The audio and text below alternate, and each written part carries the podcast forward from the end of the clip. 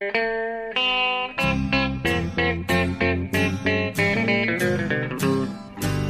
out there, we're on the air. It's hockey night tonight. Tension grows, the whistle blows, and the puck goes down the ice. The goalie jumps and the players bump, and the fans all go insane. Someone roars, Bobby scores at the good old hockey game. Oh, the good old hockey game is the best game you can name. And the best game you can name is the good Hallå, hallå, hallå, hallå, hallå, hallå, hallå, hallå där, hallå! Hallå och välkomna till NHL-podcastens 254 avsnitt eh, All Together. Och eh, det andra för säsongen 1920 får vi säga, där vi ju och vi being Jonathan Ekan Ekeliv i Stockholm och eh, jag då Per Bjurman i New York. Eh, och vi är nu inne i vår stora preview Ja, och kommer idag att eh, titta närmare på Pacific-divisionen borta i västra konferensen. precis. Det är en dunderskräll för mig för att sent om sidor i förra avsnittet så sa ju Björn, jag förväntade mig att du skulle säga ja, nästa vecka då blir det då Metropolitan i helt vanlig traditionell ordning. Men så säger du, nej vi måste, vi måste för en gångs skull vara lite mindre, ska vi säga, konservativa och bryta mönstret och gå med Pacific helt plötsligt. Byta kust totalt. Ja, men jag tycker blanda konferenserna lite. Det måste väl vara roligt för de som sitter och väntar på och är mer intresserade av väst. Ja, det, det, det, blir spännande test. Eh, för er lyssnare kanske inte är så extremt omvälvande, men för mig är det det att vi, att vi bryter traditionen så radikalt. Va? Ja, ja du är van vid att det ska, det ska vara på ett visst sätt. Ja. Vissa linjer och, och, och traditioner. Ja. ja, men eh, innan vi kommer in på eh, vad vi tror om de åtta lagen i Pacific Mm. så eh, har det hänt en del. Eh, och till att börja med så har jag varit förkyld, vilket kanske fortfarande hörs. En, tidernas mest otajmade eh, förkylning. Jag brukar inte bli förkyld den här tiden på året. Och Nej. inte så, inte så allvarligt i övrigt heller. Men eh, det kom en snabb här. Det var halsont, snuva, hosta, feber. Eh, kom i pang, pang, pang. Allt på en gång alltså. Ja, det var en, en vad heter det, one-two punch. Exakt. En one-two punch faktiskt. Ja. Först Malkin och sen Crosby och så. Ja, men det kanske hörs på rösten då att det inte är hundra, men är åtminstone så pass att eh, ikväll ska jag faktiskt gå på säsongens första träningsmatch på Garden. Eh, Rangers Devils. Men det ska bli kul. Det men blir alltid första dagen eh, efter sommarlovet känsla. Om man träffar alla och så. Ja, just det. Det är inte bara spelarna utan det är ju murvlarna i korridorerna som du stöter på och så vidare. Helt, hela grejen liksom. Det är, nu börjar det för dig på riktigt kan man säga. Ja, precis. Eh, och, ja, inte så mycket spelarna utan just det, liksom all, alla man inte nu har träffats sedan april. Nej, exakt. Larry Brooks kanske. Precis. Definitivt Larry. Ja, så att eh, jag är på bättre Men ni får ursäkta om rösten låter lite skrovlig och eh, basig. Eller, det beror inte på att jag var ute och, var, och varit ute på dålighet. Nej, hade, det, det, ska vi understryka. jag skulle gå på en konsert igår hade jag tänkt. Det fantastiska eh, countrybandet eh, Midland hade jag sett fram emot att gå och se på, på Terminal 5. Men nej, jag fick snällt stanna hemma och, och ta hand om min förkylning. Ja, okej. Ja, men det, Skandal. det är skandal. Det måste vi säga. Ja, ja men hör du, det har varit många utvikningar här. Eh, till att börja med tänkte jag att vi bara kunde nämna den veckans verkligt goda nyhet eh, har ju varit att eh, vi vet att vi kommer få se NHL-hockey åtminstone fram till säsongen 21-22. Ja. För eh, spelarfacket NHL PA tog rygg på, på ligan och eh, valde att inte utnyttja rätten och bryta upp kollektivavtalet redan i höst. Precis, för då hade det ju förmodligen blivit lockout nästa år då helt enkelt. Om de Ja, inte hade precis. kommit överens före dess. Men eh, nej, spelarna, eh, ligan vill ju naturligtvis behålla nuvarande kollektivavtal eftersom att det är mer, de är mindre, ska jag säga, gnälliga kring det.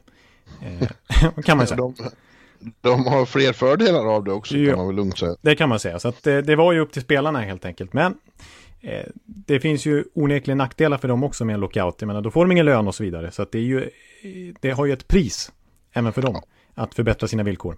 Ja, det finns, och dessutom finns det så många eh, faktorer nu som väger in som eh, både ligan och spelarna inser ju att det vore vansinne med en lockout de kommande åren. För dels ska det amerikanska tv-avtalet förhandlas om eh, Ja. och där pratar vi om tiotals miljarder.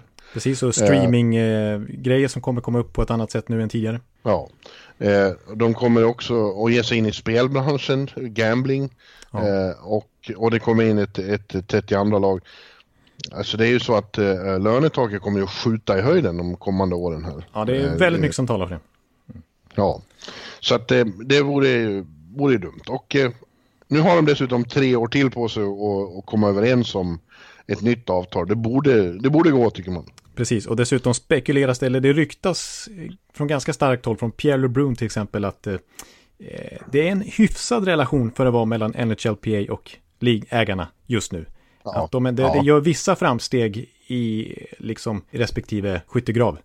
Eh, ja. Att de ändå kan komma lite närmare i sådana här frågor som escrow och landslagsspel och så vidare. Ja, jo men det har varit, det har varit eh, budskapet i ett år nu att det, det råder, om inte harmoni så i alla fall den bästa stämningen mellan lägren någonsin. Ja, precis. Så det, ja. så det är till och med snack om att när det väl här, det här kollektivavtalet går ut, alltså 2022 som det är skrivet, Eh, då, mm. då, då, kanske det inte blir någon lockout då. Då kanske, de kanske är så pass överens före dess den här gången faktiskt att, att vi slipper den typen av tjafs då. Mm.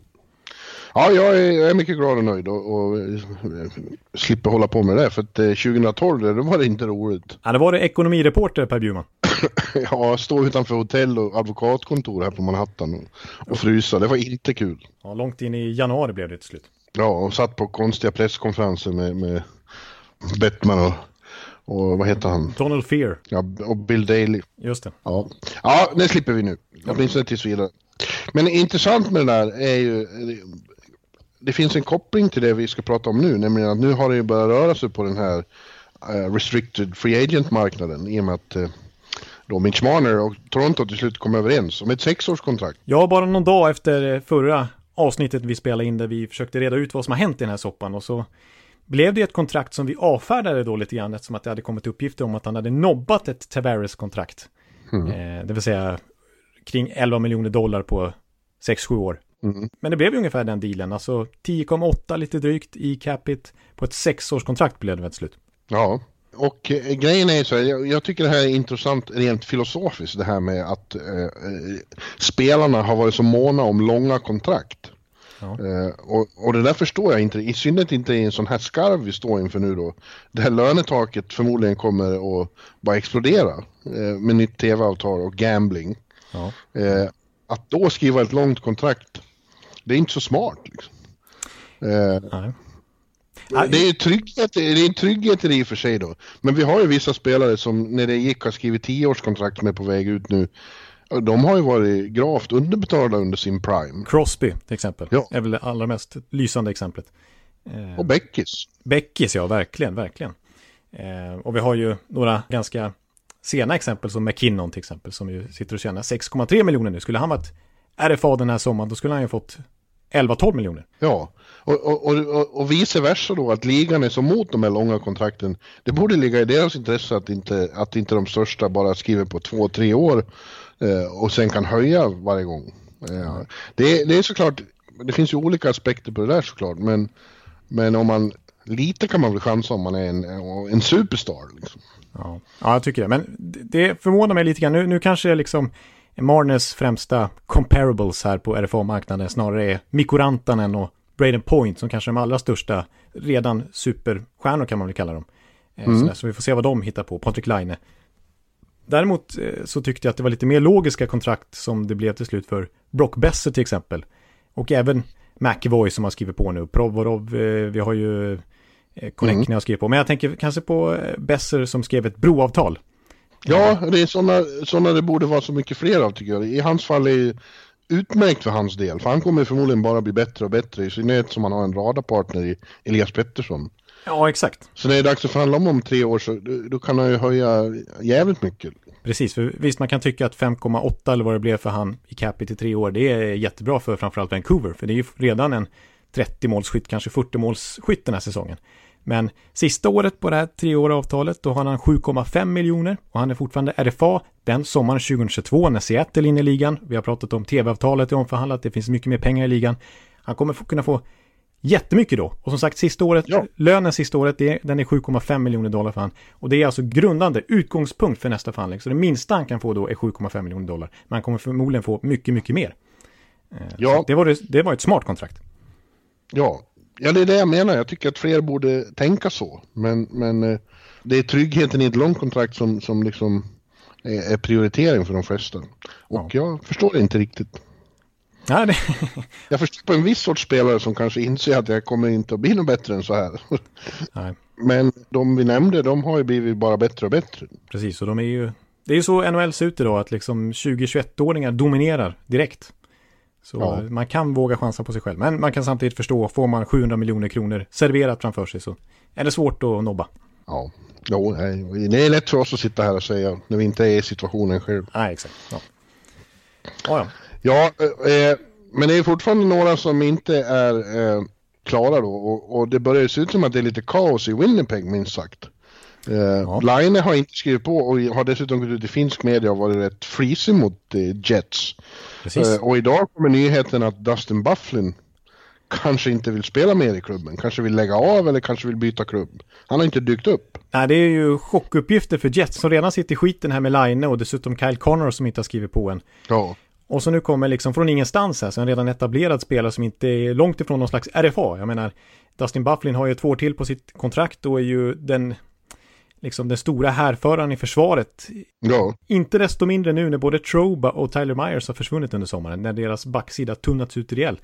Då ska nummer ett här liksom höja frågetecken kring sig. Alltså han har alltså inte dykt upp på campen av personliga skäl enligt Bob McKenzie som hävdar då, för det här är ganska nytt när vi, när vi spelar in så vi har inte så mycket mer uppgifter, att det handlar om att han, han funderar över framtiden. Han är inte så inspirerad att åka till Manitoba igen och... frysa en hel vinter. Nej, Kanske det.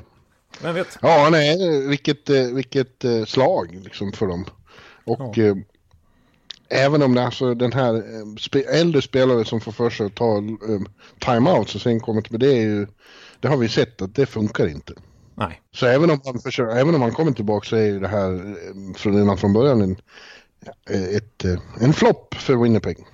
ja precis. Och nu är, det, nu är man genuint orolig för deras säsong och inte minst säsongstart här med den här, de här förberedelserna och de spelartappen som de haft och potentiellt kommer få nu också. Det är ju verkligen kärnspelare liksom. Ja, tänk vad fort det kan gå. För ett år sedan då var det många som såg Winnipeg som en eh, Stanley Cup-contender. Eh, nu eh, nu känns det inte alls så. Nej, precis. Jag för mig att The Hockey News lovade att Winnipeg Jets kommer att ha vunnit en Stanley Cup innan 2021. eller Ja. där, för tre år sedan. Ja. ja. Och nu det svänger dundersnabbt ibland. Maybe not, maybe not, Hockey News. Ja, vi får prata med Winnipeg i eh, Central-avsnittet. När det är Ja. dags för det. Ja, för nu ska vi prata eh, då, eh, har det hänt något under förresten i de inledande träningsmatcherna som har stått ut för dig då? Vi har ju spelat i ett par dagar nu. Ja, ja, lite grann. Alltså, jag är inte så inspirerad över mitt eget lag. De åkte på dundertorsk hemma mot Carolina 0-3 här. Eh, Ja. Så det, det var inte så upplyftande. Men eh, vi har haft lite svenskar som har presterat bra. Emil Bemström då, som gjorde kasse efter 52 sekunder för Columbus. SHLs skyttekung. Ja, kul. Där är det ju bara att ta för sig. Det finns ju många platser öppna i Columbus och en tränare som gärna ser att unga kliver fram. Precis, så det är inte omöjligt att han eh, kan bli liksom etablera sig direkt faktiskt i det laget. Nej. Alex Nylander hade en för, för, bra- första match här med Chicago. Ja, Precis som Adam Bokvist. Eh, Elias såklart gjorde mål direkt fast han kände sig så ringrostig som han sa. ja precis. Han sa att han, bara, han bara åkte runt och tappade pucken hela tiden. Han var kass tyckte han. Och ändå så gör han mål och de vinner och så vidare. Ja. Ja, det ska bli... Eh, det är inte så... Ska, vi vet ju hur det är med försäsongsmatcher. De är inte så kul att titta på. Men eh, vissa, vissa besked får man ju ändå kanske. Ja, alltså jag håller med. Alltså, det måste jag ändå komma fram till. Man, man är sugen på hockey nu, men det är lite antiklimax att sitta och titta på de här försäsongsmatcherna. Däremot tycker jag att det är kul att följa och läsa och hänga med. Liksom lineups och hur de ställer upp lag, PP-formation och sånt där. Allt sånt där är ju intressant och ger ju starka indikationer inför säsongen som man, den riktiga säsongen som man verkligen längtar efter. nu. Ja, Chicago hade ju parat ihop mininyllet med Taves och Kane här på idag. Ja, det är ju ingen dum, eh, dumt sällskap för honom. Det indikerar ju lite vad de, eh, att de vill ge han chansen i alla fall. Ja. ja, men hörru du, min gode vän. Ja, Pacific Division, längst bort i väst. Uh, nu får du försöka ställa in dig på det fast det bryter mot dina, dina uh, ja vad ska vi kalla det? Ja, jag vet inte. ja, precis. Nej, jag, egentligen har jag ju liksom så här New Islanders i huvudet nu. Typ. Ja, men istället är du tvungen att tänka på Anaheim Ducks. Jo. Så vi börjar med bokstavsordning här. Mm. Och eh, de hade ingen rolig fjolårssäsong. Verkligen inte. Eh, jag tyckte det var eh, delvis eh, fick de skylla sig själva eftersom de behöll sin dinosaurie till coach, eh, Randy Carlyle, alldeles för länge. Ja. Eh, och när säsongen i princip var körd så fick han sparken och general mansion, eh, heter han, Bob, Bob, Bob Murray, Murray, gick ner, ja, gick ner i båset, inte för att rädda säsongen utan för att skaffa sig en bättre bild av laget.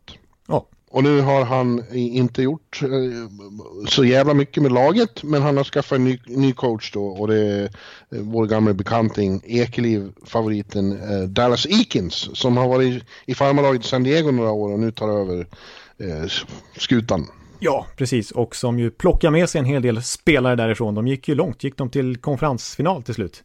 Eh, ja. Och flera av de unga lovande spelarna kommer ju få i princip bärande roller här nu. En sån som Sam Steele förväntas ju konkurrera om en topp 6-roll. Eh, ja. ja, det är ju så att um, Anaheims gamla core, den stommen, den har ju uh, gjort sitt nu uh, i princip. Corey Perry köptes ut, Ryan Kessler kommer ju förmodligen inte att spela mer. Uh, han har opererat båda höfterna och, och, är inte aktuell för spel. Han jag bor faktiskt inte ens i, i Kalifornien just nu, utan han bor hemma i Michigan med hela familjen där och rehabiliterar sig. Ja. Och det kommer förmodligen inte bli något mer spel för honom. Nej. Den som är kvar då är Ryan Getzlav och han har väl något, någon, någon uh, fin säsong kvar i sig, men han är inte... Det sker ett, de ömsar skinn i Anaheim. Ja, det kan man säga. Så hoppet står till att Dallas Eakins kommer in med de här nya och, och att några som vi väl pratade om alldeles nyligen som hade det tungt i fjol får lite eh, rebounds. Rakell framförallt då. Ja, precis. Rickard Rakell eh, nämnde jag ju som en av mina fem spelare jag hoppas och tror framförallt ska få en eh, rebound-säsong och studsa tillbaka. Och, jag menar, mm. Rakell hade ju dubbla 30 målsäsonger, drygt 30 målsäsonger innan den här floppen i fjol när hela Anaheim rasade ihop faktiskt och han gjorde bara 18 mål. Eh, och han hade skadeproblem och sådär. Men nu, nu under Ikin som, som en totalt annorlunda coach jämfört med Carlisle. Ja. Så förväntas det ju vara helt, ett helt annat spelsystem, mycket friare tyglar, mycket mer utrymme för kreativitet. Ja. Eh, det har, jag läste en intervju med Raquel här i lokalpressen där eh, det här liksom bara uttryckte de enorma förändringarna den här campen jämfört med förra. Bara en sån sak som att de har fått en ny träningsanläggning för en miljard. ja. Och så Ikens då som kommer in och har liksom helt annan energi än Carlisle och som faktiskt har varit och besökt Raquel i Stockholm under sommaren och pratat om det nya spelsystemet som ska vara mer offensivt främjande. Och eh, han tycker hela viben kring laget är mycket mer positivt med alla de här unga spelarna som kommer in och unga och hungriga och mm. liksom vill slåss om en plats. Energiska. Att, ja. Eh, ja, det tror jag absolut. Jag tror att de var otroligt less på, på Carlisle i laget också. Ja. Det, har jag sagt så många gånger så det börjar nästan bli mobbing nu, men en riktig surgubbe. Alltså. Uh, ja. Totalt eh, ålderstiget syn på ledarskap överhuvudtaget, inte bara på hockey. Nej, exakt. Och Raquel sa i den där intervjun faktiskt att eh, om Carlisle att, att det, var, det var tråkigt, det var tråkiga träningar och det var liksom lusten för att spela hockey försvann lite grann. Man, det handlar mer om att tänka på vad man inte skulle göra än vad man kunde göra. Och det låste liksom mm. spelarna. Och det gjorde ju att de gjorde minst antal mål i hela ligan. Det var enda laget som inte kom upp i över 200 mål. De stannade på 199. De hade minst antal skott på mål också dessutom. Och trots detta så hade de inget bra försvarsspel heller. Det var ju John Gibson som under första halvan av säsongen höll dem flytande. Och när han inte orkar hålla samma nivå längre, ja då rasade de ihop och förlorade 12 raka matcher och så vidare. Så att, eh, ja. Ja, ja det, det, där är ju, en, det är ju spännande också vad som händer med Gibson. Om han kan, om han kan göra en hel säsong lika bra som första halvan i fjol. Ja. Då kan ju han bära dem långt. Men mitt utgångstips är att det kommer att ta ett tag innan det här sätter sig och att innan alla de här yngre det kommer förmodligen gå väldigt bra i början. Det skulle inte förvåna mig. En klassiker. Här... Så som jag sa om Rangers ja. förra året, att de kommer börja bra och sen så kommer det visa sig att det är för tidigt. Ja, men just det här du säger, den här positiva känslan och liksom eh, det kommer bära dem i början, men jag har svårt att se att, att det bär ända fram till playoff eh, in the end. Ja. Ja, det, det, ska mycket till. Det är ju liksom eh, Troy Terry, Max Comtois, Max Jones, Isak Lundström kanske. Alltså det, det är många namn som kommer liksom få jättechanser här under campen att etablera sig i laget. De är ju beroende av att de ska vara redo redan nu. Så att ja. eh, det kommer bli spännande att följa och sådär. Men, men det borde vara för tidigt redan nu. Dallas Dickens har ju något att bevisa också. För han har ju faktiskt varit uppe i NHL och det gick inte alls. Det var visserligen då i Edmonton och där går det åt helvete för alla. Ja. Eh, men han var lika hypad då. Om hur modern han var och hur intressant han var och så vidare. Och så blev det bara en flopp. Ja. Uh, så att, uh, ja. Absolut. Och jag skulle vilja skicka en liten passning till Bob Murray också. Ja. Uh, som ju har, jag menar för några år sedan så satt han på, inte ligans bästa, men en av de bästa backuppsättningarna. Jag menar de hade ja. ju ett överflöd då med Sami Vatanen, Shea Theodore, Brandon Montour och så vidare. Nu, alla de tre jag nämnde, de är borta nu. Och det har ju gjort att nu är de i desperat behov av en back istället. Eh, det har ju ryktats om att det var en färdig trade med Carolina för Justin Falk. Ja. ja. Eh, men att Falk då, som hade en no trade-klausul och kunde välja 15 lag som man kunde dobba, hade Anaheim på den listan och i så fall för att den traden skulle genomföras så skulle han vilja ha en kontraktsförlängning direkt som föll honom i smaken. Men så efter några dagar så kom det fram att nej, det blir ingenting. Så att den traden föll ihop. Ja. Och det skulle ha kostat dem Ondrej Kase i så fall. Så det hade ju varit dyrt liksom att släppa alla de här backarna och dessutom Ondrej Kase. Och... Ja, Kase är en stor favorit för mig. Ja. Eftersom jag tycker om att säga Kase. Men då kan vi utgå från att de kommer försöka shoppa en, en bra back eh, senare under säsongen om, om, om de hänger med. Precis, att de, eh, det har ju ryktat, alltså en som är väldigt tillgänglig det är ju Ristolainen. Men ja, just det. det skulle vara lite... Det skulle ändra saker och ting lite grann. Ja, men det skulle också vara lite pikant eller lite, vad ska man säga, lite, eh, vad ska man säga, lite, lite skumt. Lite att... Ja, vad ska du säga nu?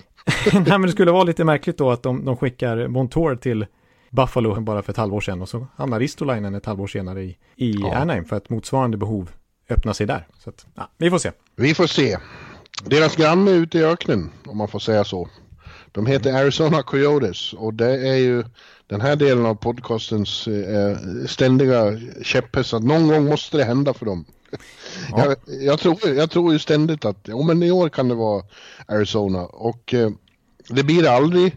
Och då kan man tycka, så, tycka att jag borde lära mig, men nej, jag, jag, jag känner mig eh, ännu mer övertygad i år om att eh, Arizona kommer vara med och inte vara något givet playoff-lag, men kommer vara ett bubbellag och med och slåss om en, om en slutspelsplats. Mm, jag tycker det är bra att du fortsätter, för det, samma sak sa du om Carolina i hur många år som helst. Och till slut gav du upp och då gick de till konferensfinal. Ja. Nu måste du ju stå på dig. Eller ge upp. Så kan man också se det, men jag tycker det är bra. Eh, och jag tycker det har fog extra mycket den här säsongen att tro på Arizona, för det är ju faktiskt så att de överlag ser bättre ut. Ja, ja, eh, ja, alltså Vänta, jag ska svara Nils Paulsson ett eh, sms här om eh, vi har tekniska problem med bloggen som vi håller på att ja, lösa. Det, det måste du göra. Ja.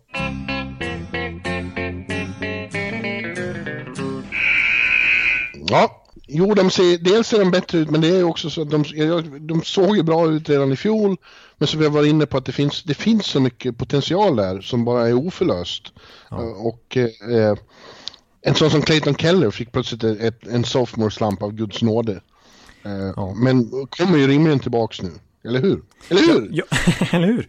Nej, men jag tror ju, jag tycker också att de har intressanta prospects. Jag har ju hypat dem i flera omgångar, inte minst Christian Dvorak här under sommaren som jag också listat som en av bounceback-spelarna efter en skadefylld fjolår. Och han är lite bortglömd mm. talang tycker jag, som jag ser en spännande framtid i.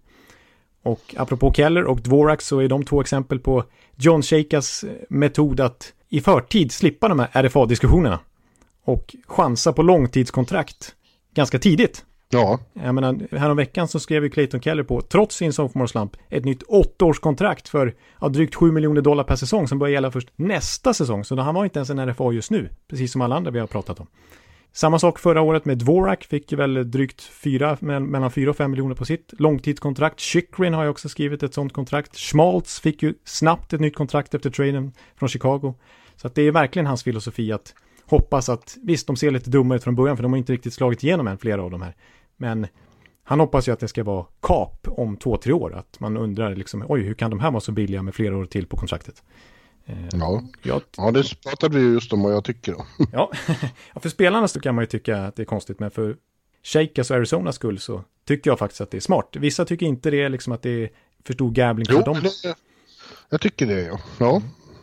Och, men samtidigt har han ju då spetsat till laget nu eh, under sommaren. Han har gjort bra saker, framförallt då kommer Phil Kessel.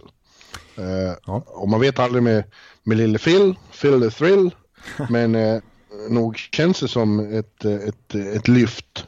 En riktig, man får in en riktig spets där. En riktig sniper, för det är det de har saknat. De har ju, ja. Det var ingen som gjorde mål förra säsongen. Det var därför de föll i den hårda kampen med Colorado om den sista slutspelsplatsen. Colorado gjorde ju 47 fler mål än ja. Arizona. Clayton Keller hade en sophomore slump, gjorde 47 poäng bara jämfört med 65 tror jag rookie-säsongen. Men vann ändå interna poängligan på det, 47 poäng. Det räckte till en 129 plats totalt i NHL. Det duger ju inte. Det duger inte. Nu får man in en Kessel som fortfarande är än så länge i karriären en point per game-spelare och som framförallt gör väldigt mycket mål. Och är bra i powerplay. Jag menar, PP var ju inte alls bra för Arizona förra året det heller. Typ 16 procent eller någonting.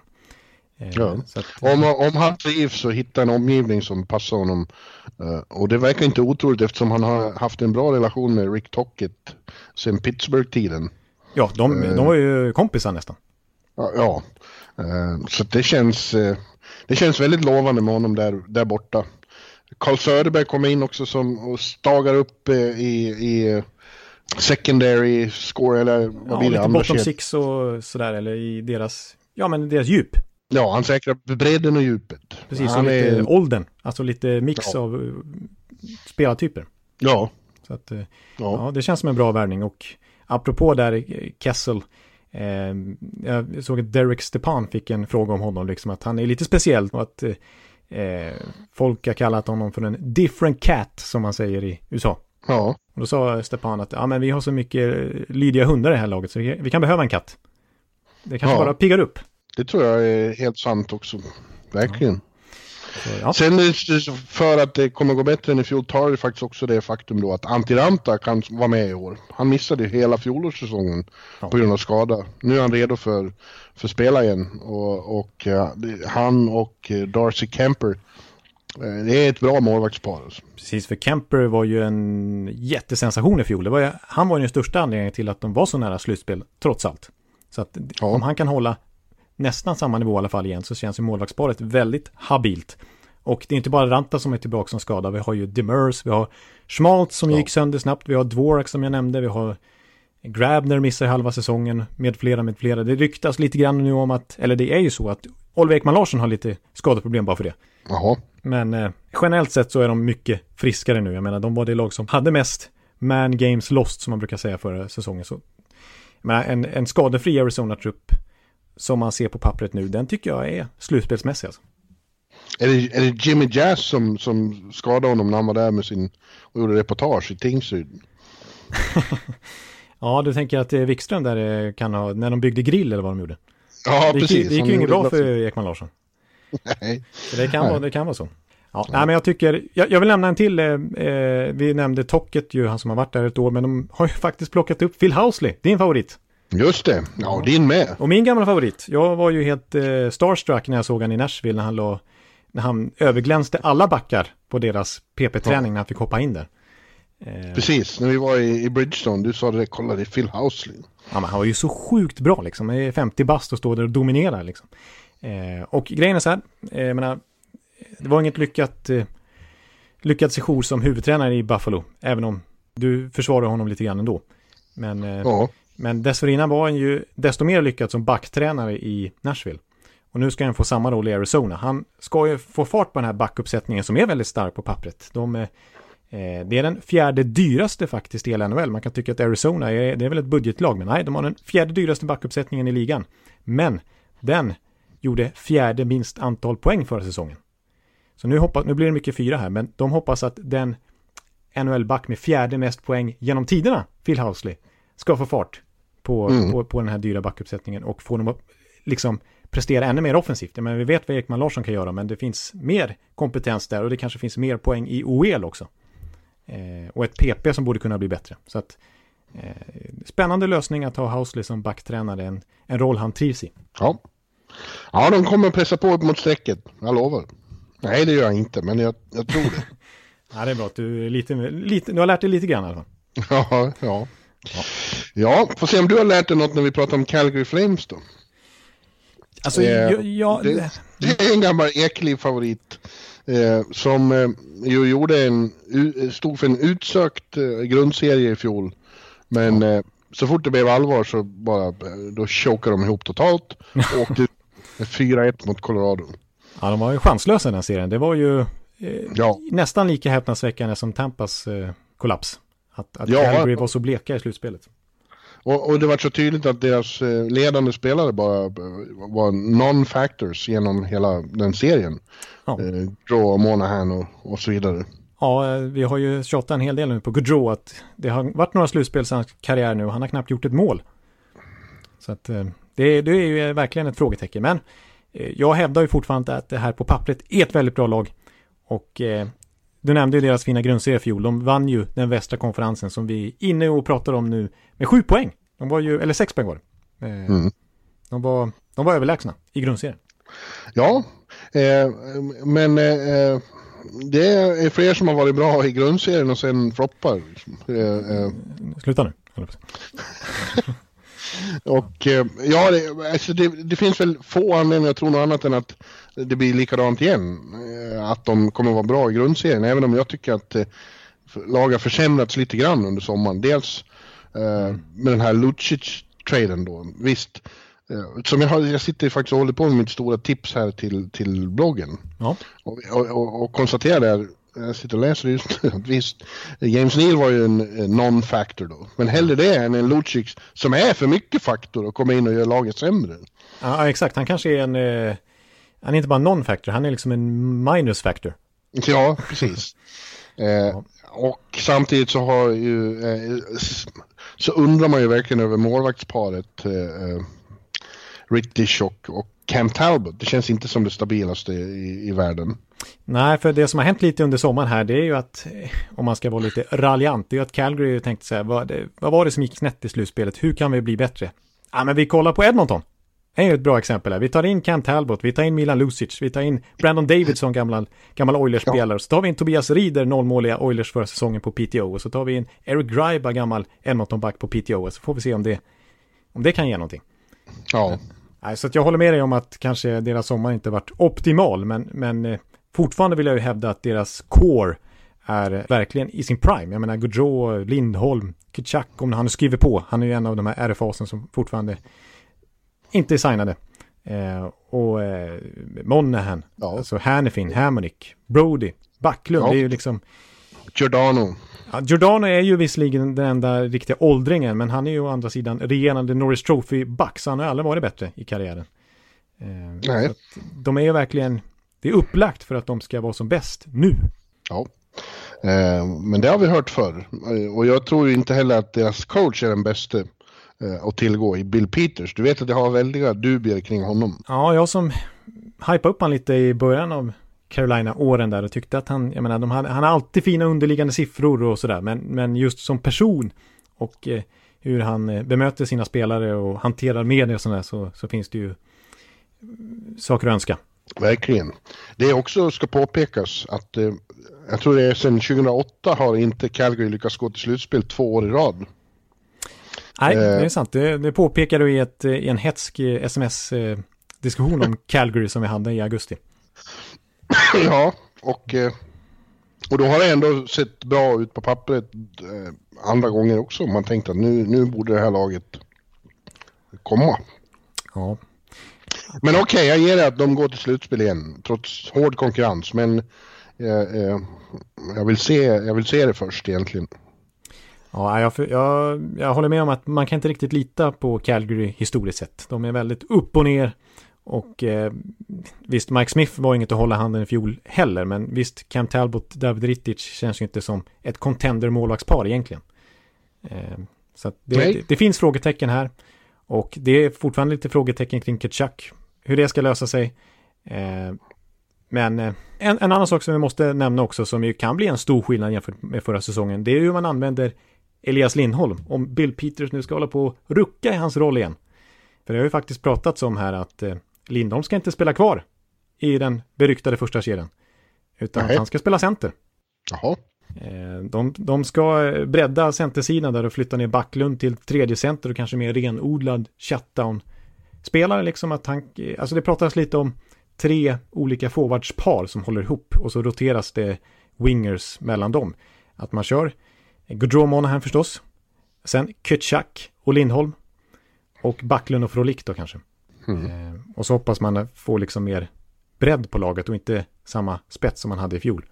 Eh, vi får se, det, det, jag menar, för det var ju problemet innan, innan man tog in Lindholm och James Neal förra säsongen som man hoppades mycket på. Då ville man ju komplettera första kedjan med en riktig stjärna. Och det gav ju effekt i Lindholms fall för att Gaudreau slog personligt poängrekord, eh, Monahan slog personligt poängrekord och Elias Lindholm blev svensk poängkung. Eh, ja. Ruckar man på det där så kan det bli lite som för Lindholm i Carolina. Han lyfte aldrig riktigt då för att han inte fick den här utpräglat stora rollen. Nej, han, han var extremt nöjd i fjol med att ha hittat en, en position som han fick vara kvar på och, och spela ihop sig med de här killarna. Och att, eh, ja, det var så att han, det var väldigt svårt i Carolina, han bara kastades runt hela tiden. Precis, så då, då stod så han där på... Det verkar ju typiskt Bill Peterson förstöra något när han har hittat något som fungerar. ja. Ja, det har du en poäng. Men äh, vi får se. Jag, som sagt, jag håller med dig. Jag jag är osäker på slutspelet igen på grund av vad vi har sett nu så många gånger. Alltså vad de väl gör i slutspelet, men att de tar sig dit, det räknar jag med. Ja. Say hello to a new era of mental health care.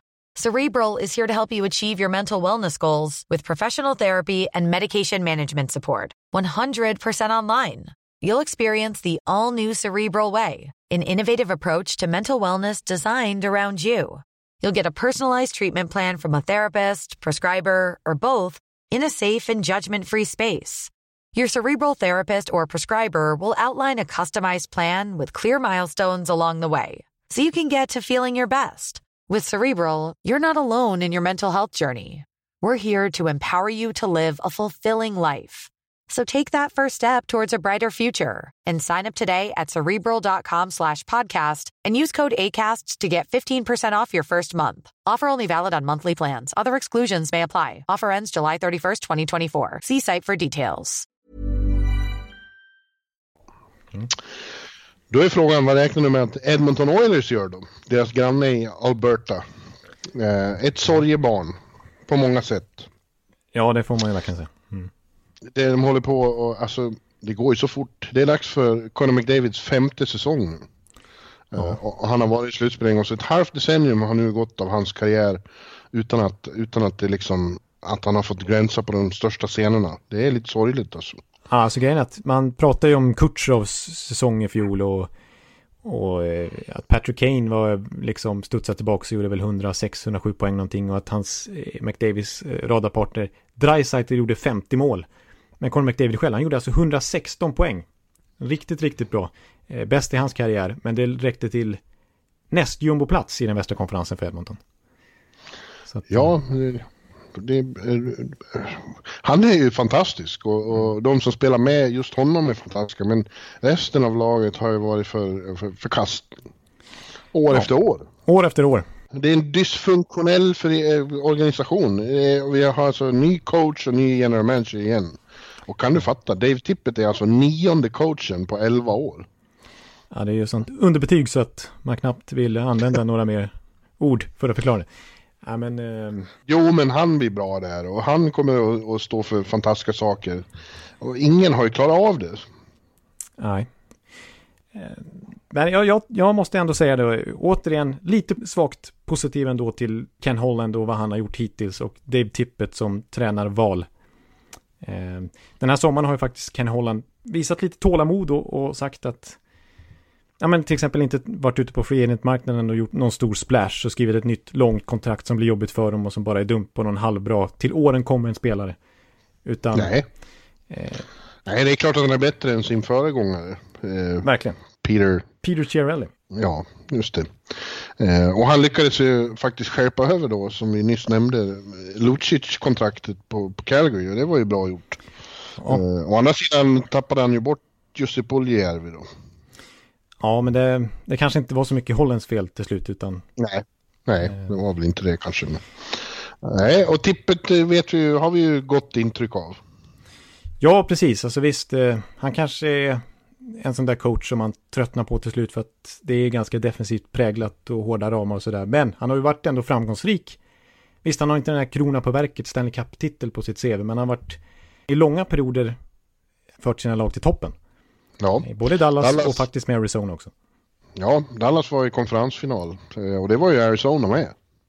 Ja, precis. Eh, Så att tippet tycker jag är bra och apropå James Neal som de tog in så finns det så mycket som är bra tycker jag med den dealen. Visst, James Neal hade ju verkligen en kanonsäsong i fjol. Sju mål. Vem vill ha in honom i sitt lag på det där dyra kontraktet som gäller i flera år till? Men att de faktiskt kunde bli av med Lucic kontrakt för att få in Neal ser jag som en jättevinst för dem. Dels, Ja, det känns ju som James Neal kan studsa tillbaks. Det finns fortfarande kapacitet där tycker man.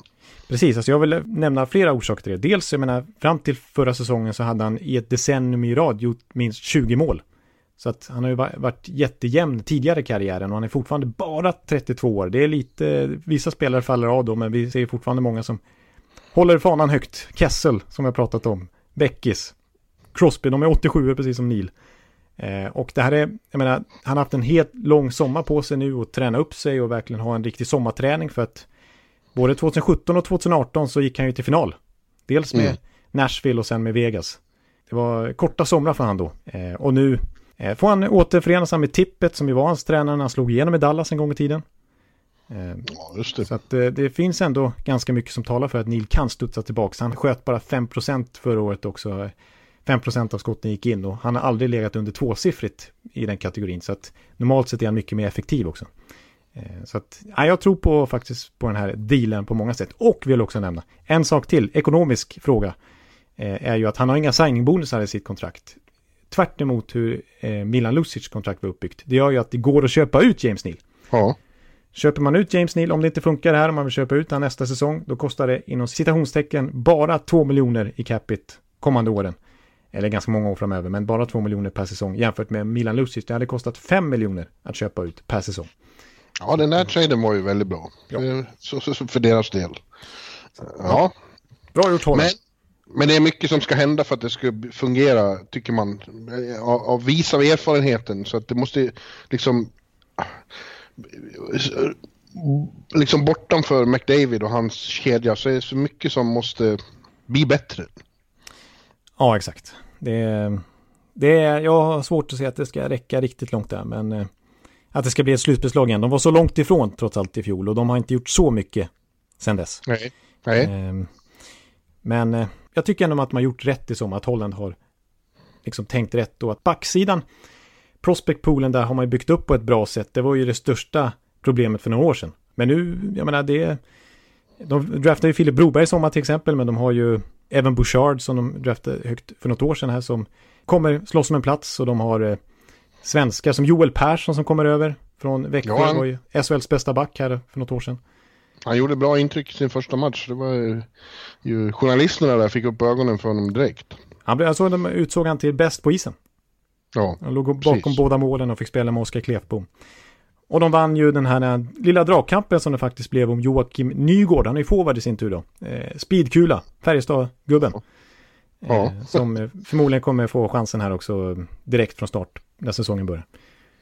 Färjestad-gubben. Ja, Han och Klevbom kommer trevligt ihop. Värmlänningar vet du. ja visst. Potentialen finns ju men ja. ja jag, jag förhåller mig eh, tveksam. Tills jag sett något annat där. Ja, det är också ett sånt lag. Så att nej, jag tror, jag tror inte det räcker. Men eh, nej, det är lite för klent trots allt. Det är ju till och med så att, att fansen i Edmonton börjar ju liksom tröttna. De, har ju varit, de är ju extremt lojala. De har ju sin hockey. Det är enormt stort där uppe. Ja. Eh, såklart. Eh, Men, men eh, de börjar ju ledsna på det här. Ja, Och det har sålts tydligen då lite mindre säsongskort och så. Det är ju anmärkningsvärt. Det måste ju hända något där. Ja, precis. Ja, De, de är, för, för jag sitter och berömmer lite grann nu att de för en gång skulle visa lite tålamod på marknaden och att jag tycker Kenny Holland gör rätt och den här Neil-grejen var bra. Och de kommer satsa lite mer på egna spelare, ge dem större chanser den här hösten. Men de är trött som, som du som säger, alltså nu är fansen trötta på att vänta och vänta och vänta och vänta och att höra tålamod som ett nyckelord eh, uppifrån liksom. De Ja. vill ju att en 23-årig Conor McDavid ska vara med och hota om Stanley Cup nu, när de har den juvelen i laget. Exakt. ja, som sagt ett halvt decennium nu utan, utan att han har haft förutsättningarna för att ta det här laget långt. Det är, det är tragiskt. Det är tragiskt. Det är tragiskt. Mm. Apropå tragiskt så heter nästa lag Los Angeles Kings. Nej, nu vart det taskigt. ja, vi är fortsatt eh, hårda mot stackars Kings. Ja, nej men förlåt, förlåt. Det, var, det vart för hårt. Men eh, eh, där har det ju eh, rasat ihop jämfört med för några år sedan när de var ett, eh, när de utgjorde toppskiktet i ligan och ja. spelade klassiska Western Conference-finaler mot uh, Chicago framförallt då. Det var ju, de var ju ett, de var en supermakt i ligan. De var verkligen en dynasti. Det var ja. ju kackerlackorna. Ja, det är exakt. Men tyvärr så fastnade de ju i, i, i, den stilen och hängde inte med i utvecklingen och gjorde om laget och anpassade till uh, den hockey som praktiseras nu. Ja. och framstår ju då framförallt förra året som ja, för, för långsamma och för gamla och för sega. I flera år till så har de ju 40 miljoner uppbundet på spelare som just nu är 30, 32, 35, 37. Sådär. De blir inte yngre, de blir inte bättre. Och det såg vi förra Nej. säsongen, alla tappade. Så eh, det är en svår situation, men som jag sa även i vår sommarpodd när vi pratar Kings, så tycker jag ändå att de till slut har insett det här. Att ja. eh, Rob Blake har vänt på skutan lite grann, bara en sån sak som deras prospect pool, alltså under deras bästa år, Eh, då rankades de, visst då låg de högt eh, i tabellen, men prospect poolmässigt så rankades de typ sist. De hade ju, fick ju inte fram någonting. Den enda som har kommit fram liksom från mellan typ 2012 och 2017 som har blivit ordinarie Kings, det är ju Adrian Kempe. I övrigt kan du knappt nämna en enda spelare som har gått genom Kings-leden och blivit etablerad i laget. Men nu på senare år, bara de sista tre åren, så har de ju draftat mycket och de har draftat bra och nu rankas de ju de flesta ha topp tre när det kommer till Prospect Pool. Ja. Eh, jag gjorde en fantastisk draft i somras som jag verkligen berömde då. Ja, men då pratar vi ju rebuild då och ja. eh, ljus framtid, men få av dem där är ju redo för NHL-tjänstgöring redan nu. Nej, så är det. Uh, och det betyder att de får uh, strutta på med det här laget de har i princip. Uh, jag tror i och för sig att det kommer att vara lite ljusare, gå lite bättre än i fjol. För de har fått en riktig coach i Todd McClellan. Ja, det är ju stor skillnad mot uh, Desjardins som ju fick hoppa in i fjol. Och, och ja, det var ju, ja. Vilken, vilken klåpare. Alltså han blev ju osams med nästan hela laget kändes det som. Och en sån som ja. eh, Kowalczyk vill ju inte ens följa med på bortaresorna på slutet. Nej, av, av, Blake har gjort några misstag men det tror jag var det grövsta misstaget eh, att anlita Desjardins ja. eh, som ersättare till Stevens. Han drog ur musten ur hela laget. Ja, det var demoraliserande. Ja, eh, bra ord. Mm. Ja, så det kändes som liksom allt var bara depp på slutet. Så kommer det inte att vara nu. McClellan kommer ju att skapa en annan stämning kring det här laget och se till att, att de liksom ändå konkurrerar och tävlar. Precis, för han har ju han har ju den, den, förmågan att han sätter ju krav på spelarna, han sätter press på dem, men, men han, är också, han är, har också liksom lite karisma. Ja, exakt. Så att, eh, de har köpt ut Dion Förnuft, så de har blivit av med lite bromskross i alla fall. Ja, exakt. Så att de går ju åt rätt håll på det viset i alla fall. Ja, de kommer förmodligen att fasa in en del av de här yngre under resans gång och det kommer eh, att se fint ut framöver. Men i år blir det svårt att undvika eh, Sista platsen i, i eh, Pacific. Ja, till och med det. Eh, de är kandidat för den. Ja, jag tippar dem där faktiskt. Eh, men jag vill också nämna lite grann att det har blivit lite svenskprägel på ett annars ganska svenskt löst Kings genom åren, tycker jag. Svensklöst, ja. Vi har båda bröderna Kempe där. Vi har Carl Grundström, kom, nej vad heter han? Ja, Grundström.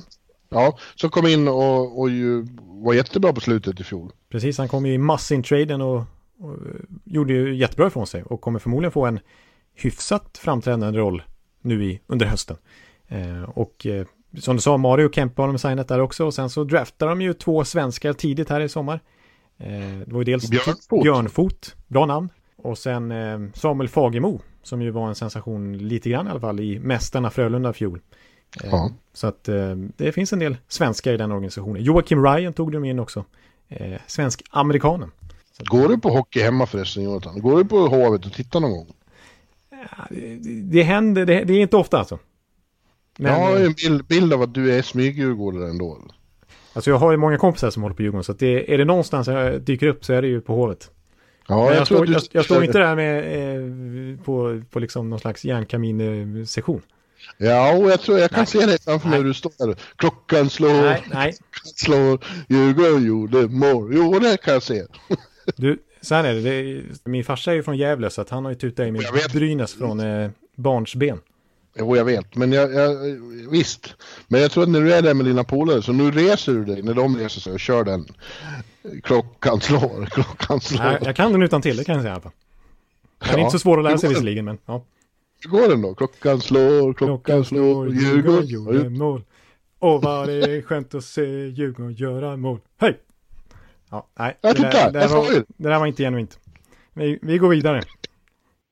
Ja, ja. Tror du de kommer att sjunga så i, i LA, downtown LA framöver?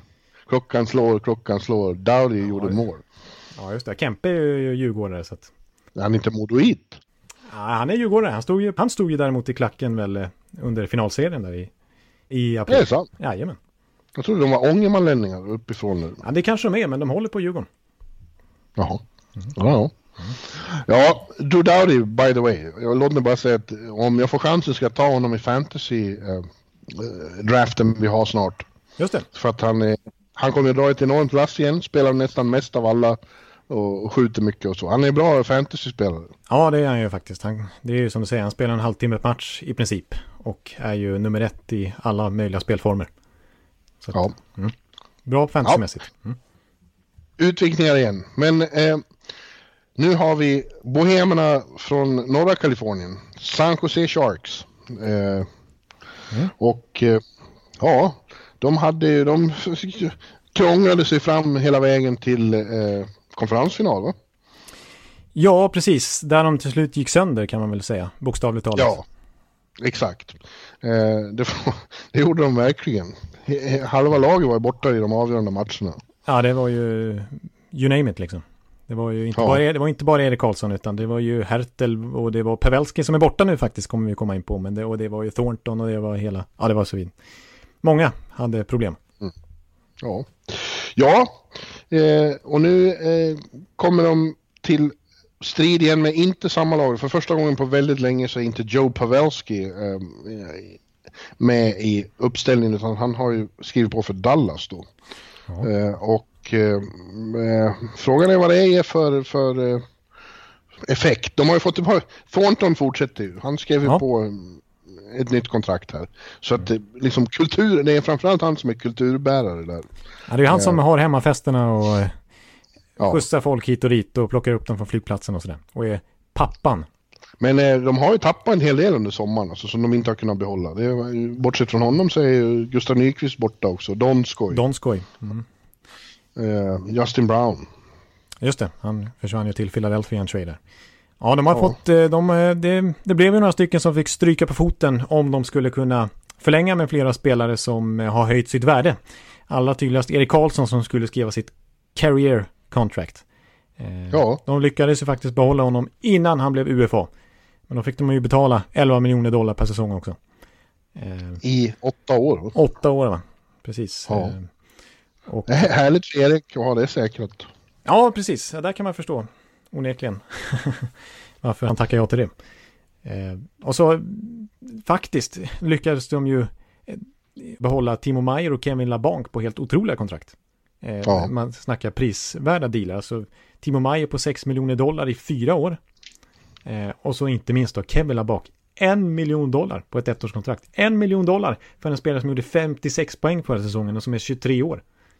Ja, och som känns som det är väldiga uppsidor på. Precis, och som kommer få en ännu större roll nu också när de har tappat några forwards. Att, eh, Ja. Ja, nej, och, och Erik, i Eriks fall så är det så om han... Eh, vi, det var ju en konstig säsong för honom, den första i San Jose. Först tog det tid att hitta in i De Boers ganska underliga system. Ja. Och, och sen i den så blev han skadad igen då. Men det var ju nästan två månader när han spelade. Då var han deras bästa spelare. Kväll efter kväll. Och då var San Jose bäst i NHL också. De tog ju mest poäng i ligan i december när Erik eh, var som bäst. Ja, som den där lilla kroppen, de där fötterna och ljumskarna och vad det är, eh, kan hålla eh, en hel säsong. Då är ju han en, eh, en enorm, man kan säga förstärkning nu eftersom han ja. var så slut på slutet. ja, precis.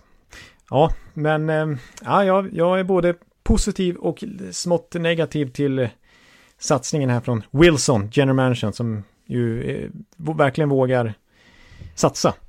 Mm. Eh, för att, eh, som du säger, de har tappat lite grann och de har fått betala dyrt för att hålla ihop det. De är ju precis under lönetaket liksom. Eh, så att det blir, det, det, är mycket liksom breddspelare som måste framåt nu. Alltså en Sörensen kommer få större roll, liksom så här Barkley Goodrow, eh, Lukas Radil, Schmelewski som kommer upp. Alltså det är så här mycket, Dylan Gambrell, sådana här som inte var, flera som inte var ordinarie i fjol. Eh, som nu liksom lyfts upp i hierarkin. Eh, Sörensen var ju det, men liksom många andra som jag nämnde.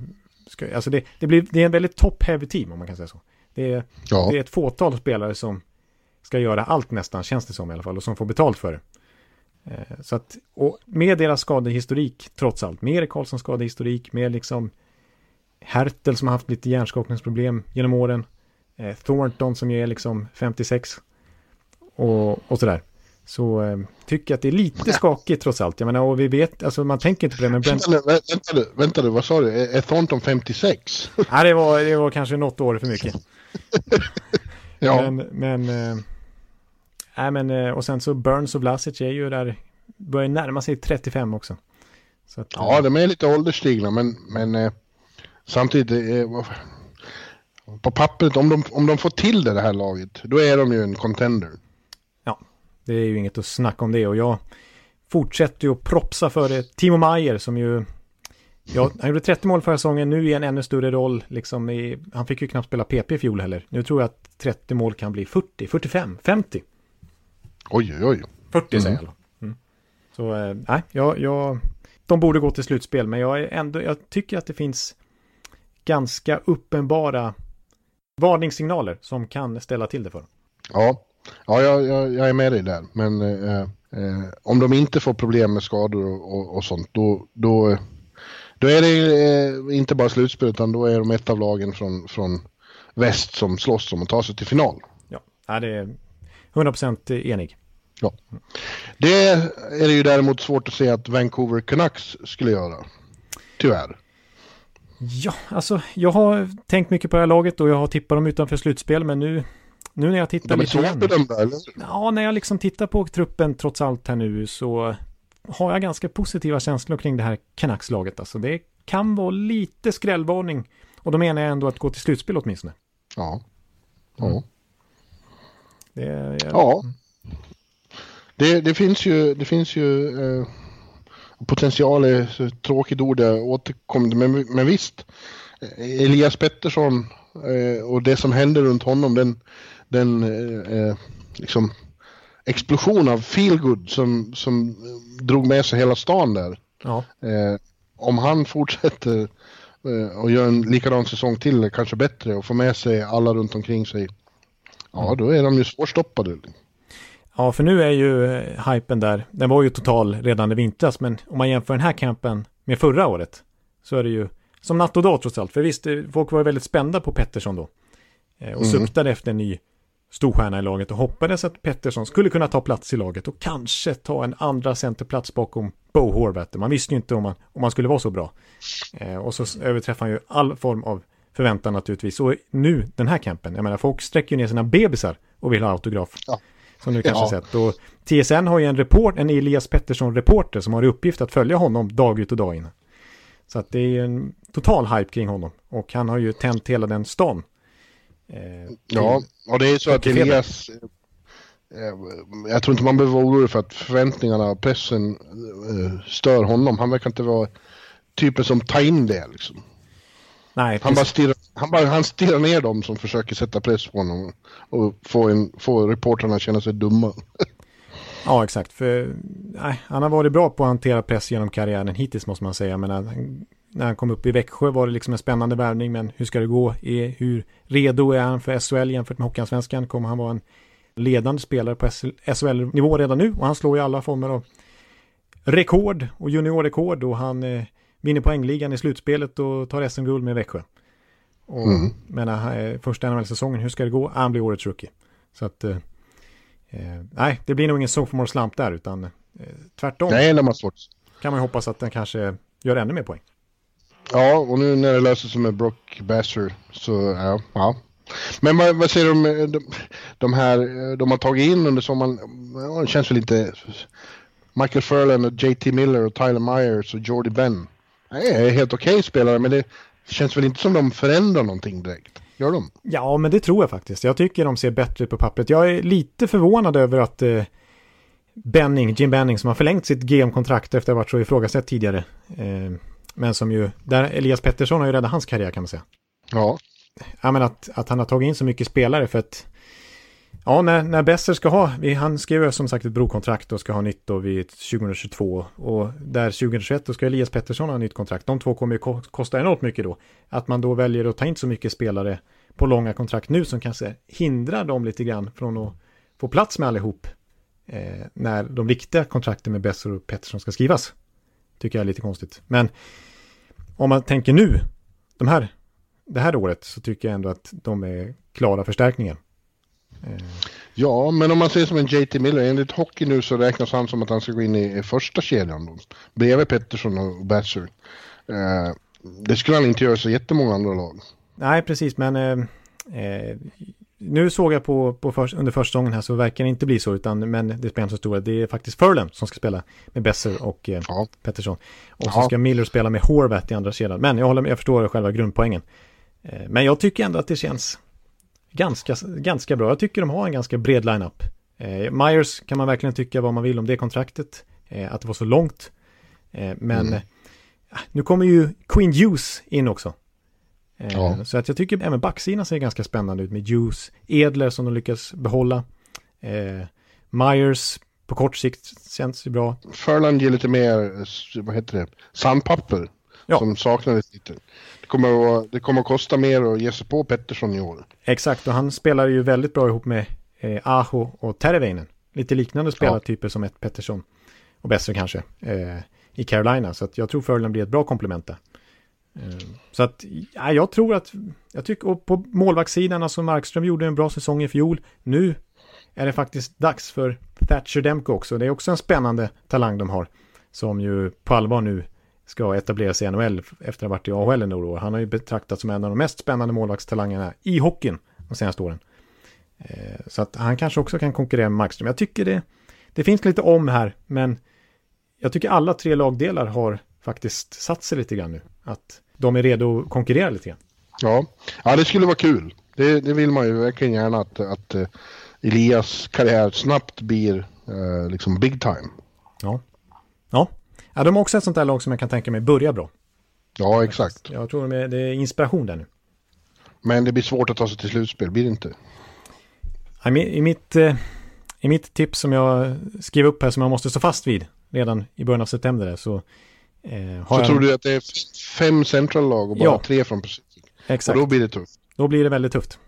Så eh, utgångstipset är trots allt att de missar slutspel, men jag blir inte förvånad om de går till slutspel. Nej, ja, jag hoppas du har rätt. Mm. Ja, avslutningsvis då så har vi Vegas Golden Knights. Eh, och det är ju, det är ju rätt eh, remarkabelt ändå att ett lag som bara har spelat två säsonger i ligan redan eh, räknas som sån elit. Ja. ja det, är det, är ett det är ett av de tunga lagen i, i ligan. Liksom. Eh, ja, det är en av liksom fyra, fem verkliga contenders. Ja. Eh, de har, ja, de har ju satt sig i lite tuff situation. De har ju haft lite lönetagsproblem här och fått lov att göra sig av med spelare som de inte ville göra sig av med. Precis, de har ju inte värvat så mycket i sommar utan tvärtom har de ju tappat en Erik Haula, de har släppt Colin Miller, Bellemare, Carpenter ja. och det blev ju aldrig något med Gusev för han hade man inte plats Nej. med i slutändan. Nej, precis. Och det är väl inte helt jättelyckat men de som är kvar ser ut som ett jävligt uh, fett lag alltså. Så de har ju två första serier som skulle kunna vara första ja, de har... väldigt många andra lag.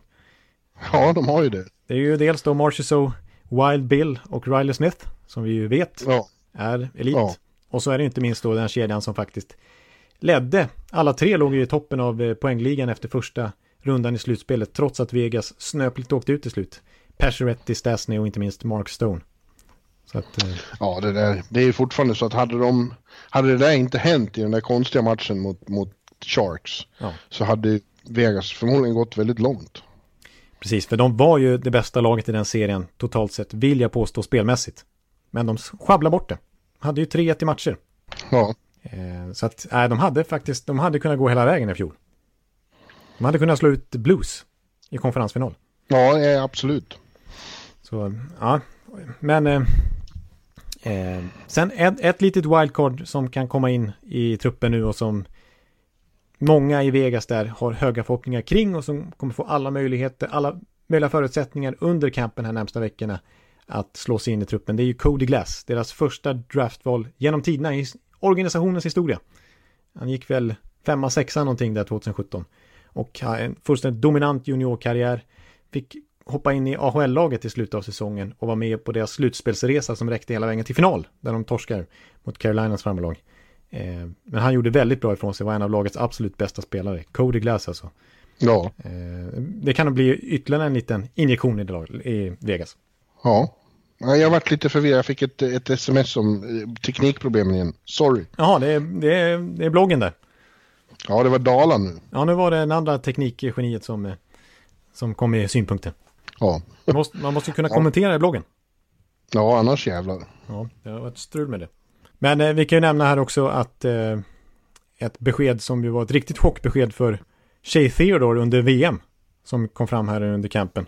Att han eh, i samband med dopningstest i hockey-VM där i maj eh, inte var dopad, det var inte det de kom fram till, men att han hade cancer. Ja, Han hade ju alltså testikelcancer visade sig. just det. Men det var tur att de upptäckte det för att eh, det var ju i ett väldigt, väldigt tidigt stadium. Så att de har ju opererat honom och nu ska han vara helt kvitt problem. Så att det var ju en blessing in disguise kan man säga. Det var ett chockbesked Ja. först men så visade det sig vara eh, kanske livsavgörande att, att, att han gjorde det där dopningstestet. Precis. Ja, eh, du märker att jag varit lite för, förvirrad här. Ja, Eh, Vegas kommer att vara, kommer att vara med eh, och utmana igen, eller hur? Det är svårt att se något annat. nej det är absolut. Jag har dem... Ja, jag har ju tippat Dallas faktiskt som Stanley Cup-mästare, men det är, det är i så fall ska de slå ut Vegas i konferensfinal. Det är mitt tips. Jag tror väldigt mycket på det här laget och jag menar, Mark-André Fleury håller förmodligen i kassen ett år till minst, han också. Så att Ja, det ser bra ut på alla möjliga punkter egentligen. fan vilken god konferensfinal att följa. Vegas-Dallas. Ja, det, det är en bra ställe. Det är nästan, eh, nästan som man kan åka bil. Nej, lite långt kanske. Nej, det kan man inte. Det Men det, går bra. Det är bra flygförbindelser rakt över öknen där. Trevliga ställen att, att vara i, i största allmänhet. Ja, ja det, det, det, det blir häftigt att följa igen i T-Mobile. Jag såg eh, redan första träningsmatchen var det full, fullt hus igen på eh, strippen där. det, är, det är en, eh, en underbar addition to the NHL family, Vegas. Ja, det är bara att konstatera. Och tredje gången gilt. Det är kanske så man ska se det. Det var inte så de, såg det från början, men det är kanske är tredje gången gilt så blir den här Stanley Cup-titeln faktiskt. Så bra är de. Ja, jag tror det blir Vegas-Tampa i final. Ja, det ser du. Nej, ja, jag har inte bestämt mig för vad jag tycker. Nej, det är bra. Du är mer rutinerad och väntar med det tips tills man vet lite mer. Jag är ute redan i början av september och, och. Jag tror ju också Dallas. Liksom. Jag tror att de, de eh, ser ut att, de, ser ut att vara redo, men det gör ju även Colorado, Nashville och Vegas. Och möjligen San Jose också. Ja, Ja, det är... Du har lite att fundera på det. Eh, hur, jag. hur tycker du vi ska göra nästa vecka då? Ska det bli Central då? Eller ska vi gå tillbaka då helt plötsligt? Till Metropolitan? ja visst. Då är Då det. Metropolitan. Ja, ja, just det. Det Dödens grupp. den absolut mest svåranalyserade divisionen. Ja. Men du, om vi ska sätta ihop den här då. Eh, du har ju redan gjort det. Ja. Med Pacific, eh, inbördes eh, ordningen. Ja. Jag, jag tror ju då rakt upp och ner att det är Vegas, San Jose, Calgary, Arizona, eh, Vancouver, Edmonton, Anaheim, Los Angeles.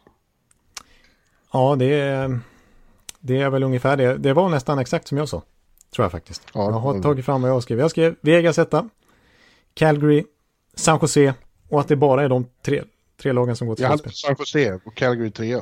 Ja, precis. Där har vi ju vår klassiska skillnad då, att jag är lite mer Calgary Pro. Ja. Och sen har jag precis utanför slutspel Arizona, Vancouver och sen ett glapp ner till Edmonton, Anaheim och Eller Kings. Vi är hyfsat överens ändå får man säga. Ja, det får vi säga. Men, Ja, men... Ja. Eh, eh, jo visst, tillbaks till Metropolitan. Det, det kan, kommer vi att svettas över. Ja, det ser jag faktiskt inte fram emot om jag ska vara ärlig. Det, det, den är så svår så att det, det, det, man blir nästan nervös. Ja, det blir man. Hörru du, eh, jag eh, ska nu också säga att det finns fortfarande platser kvar till vår fantastiska resa till Tampa. Ja. Eh, vi hör att det är många förfrågningar men de är somliga som inte riktigt vågar slå till. Nu är det dags. Ja, nu är det dags. Det, är en kanonresa till Tampa i slutet av oktober. Gå in på sportbladet.se och kolla efter länken och gå in och köp eh, en resa till dig och dina polare. Följ med oss, träffa oss, Foppa och sitta, med, och sitta i, i Tiki-baren om kvällarna och prata hockey och se två fantastiska matcher mot Pittsburgh respektive Nashville. Ja, alltså Peter Forsberg är ett starkt argument för oss, men, men det, det är nästan Tiki-baren som lockar mest alltså. Ja. Solnedgångar, kalla bärs, ekan och biffen. Va? Vi måste ju med. Ja, nej, en eh, 21 oktober eh, sticker vi i alla fall. Så att, eh, Yes. varmt välkomna. Ja. Och du, vi hörs igen eh, nästa vecka och pratar Metropolitan som sagt. Ja, precis. Och eh, nej, jag, jag kommer hinna, jag, kommer tänka så mycket på hur jag ska argumentera där, så att jag, jag börjar bli taggad igen nu. Det blir kul. Kanon. Till dess, Great. på återhörande. Yes. Ha det så bra. Hej! Hej! Hallå, hallå, hallå. Hallå, hallå, hallå. Alex Chiazot, Joe Luis Arena och Esposito. Esposito. Uttalsproblem, men vi tjötar ändå. Och alla kan vara lugna, inspelningsknappen är på. Bjuder Hanna Kohl, han är grym i sin roll. Från Kållesoffan har han fullständig kontroll på det som händer och sker. Det blir ju allt fler som rattar in hans blogg. Och lyssna på hans podd. One, two, three, speed, so Hallå, hallå, hallå. One, two, three, speed, so Hallå, hallå, hallå. Ekeliv, som är ung och har driv. Verkar stor och stark och känns allmänt massiv. Han hejar på Tampa och älskar Hedman. Sjunger som Sinatra. Ja, och där ser man. Nu är det dags för refräng. Dags för magi, Victor Norén. Du är ett geni. Så stand up at home and remove your hats. Höj volym, för nu är det plats. One, two, three, speed, so Hallå, hallå, hallå.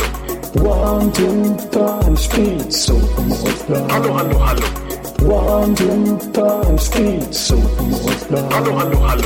One, two, three, speed, so Hallå, hallå, hallå.